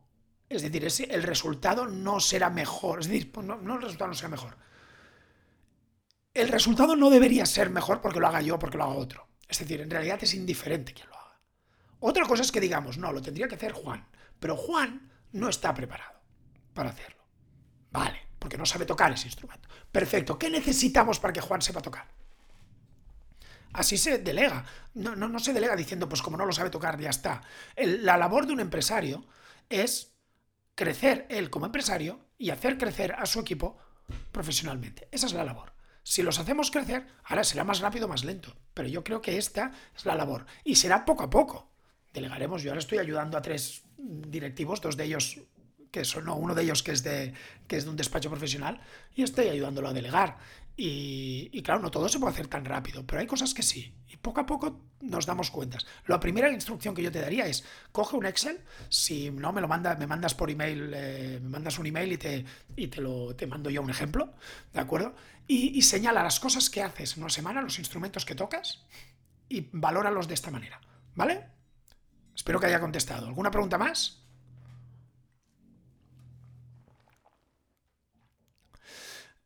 N'hi ha almenys un que toca el violí i dirigeix una gran orquestra. Andrés, jo... No, no el conec. Però en tot cas, eh, aquest no el conec, però a part d'ell, d'acord, això és com quan em diuen, no, perquè Steve Jobs no sé què, i dius, ja, bueno, però, però és que quants Steve Jobs han d'haver-hi en el món, vull dir, no, no, no fotem. Llavors hem de parlar una mica per, per nosaltres, per, per tothom, i veure si podem ser iguals. La, la pregunta és si dirigeix l'orquestra mentre toca el violí. També t'ho diré, Josep. Aquesta pregunta a mi, ara a mi m'interessa. No sé si a la resta us interessa, però a mi m'interessa. Molt bé. Um, gràcies, Marta, gràcies a tu. I a te, Gustavo. Hi ha alguna cosa més? Bé, com sempre sabeu, eh, us enviaré la gravació de la, del, del seminari a les properes hores, d'acord? Um, si voleu més coses, si voleu comentar amb mi algun aspecte, no us sentiu... O sigui, no, no tinc problemes, envieu-me un e-mail a oriol.oriolopez.com i podem, i podem parlar-ho directament, d'acord? Eh, tots els que veniu sempre teniu accés a mi per fer-me preguntes. Eh, Joan, empreses familiars o d'un grup de socis fundadors que han crescut de forma orgànica en els quals, en la qual els càrrecs directius de responsabilitat han estat repartits seguint preceptes familiars o de possessió d'accions. Com ho reestructurar? Pues, Primer, entenent què vol fer cadascun en un futur. Jo els dibuixo un diagrama de vent i els dic, mireu, aquí hi ha tres posicions en una empresa familiar. La primera és som família. La primera és treballem a l'empresa, la tercera és som propietaris. D'acord? Són tres aspectes. La pregunta és on voleu estar d'aquí tres anys? I, i en funció d'això començar a distribuir, perquè les successions moltes vegades, o sigui, aquest tipus de situacions es donen perquè la gent ho fa sense pensar que té alternatives. Sempre és com la família m'ha posat aquí, jo ja he de seguir fent i tot plegat. Però en realitat no té res a veure la propietat amb la, amb la, amb la direcció. I s'haurien de separar. I de fet, quan jo faig projectes de successió, sempre els separo. Sempre els separo. No sé si t'he contestat, eh, Joan? Però si no, digue-m'ho. Toni, bueno, gràcies a tots, eh, que esteu dient gràcies, doncs gràcies a vosaltres. Toni, en algun cas els treballadors, violinista, tenen una visió més àmplia del negoci que el mateix empresari, director. Els clients es fixen més en el treballador que l'empresari o l'empresa. Aviam, jo crec que no és que tinguin una visió més àmplia, sinó que, com ho diríem, el fet d'estar centrats i focalitzats en una tasca concreta els permet estar tranquils i poder observar millor al seu voltant. No tenen una visió més àmplia, però poden observar més calma. Quan un vol ser treballar, director d'orquestra i violinista alhora, no té focus i per tant és possible que el dia a dia se'l mengi i no tingui capacitat de veure el que hi ha de veure. Que l'altre, els, els clients això també ho perceben. Perceben que una persona està totalment desbordada i com els altres no.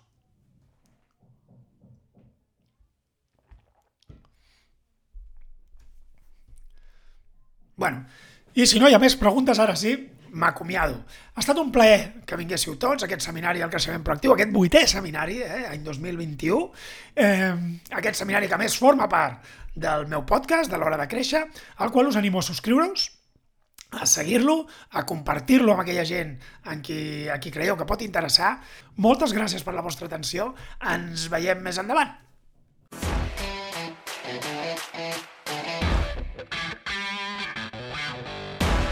Gràcies per acompanyar-me en aquest episodi de l'Hora de Créixer. Si t'ha agradat, ja saps què has de fer. Escriu una ressenya, comparteix-ho amb algú i uneix-te a la comunitat de les empreses proactives. Gràcies per escoltar-me i recorda, l'acció és qüestió de prioritats.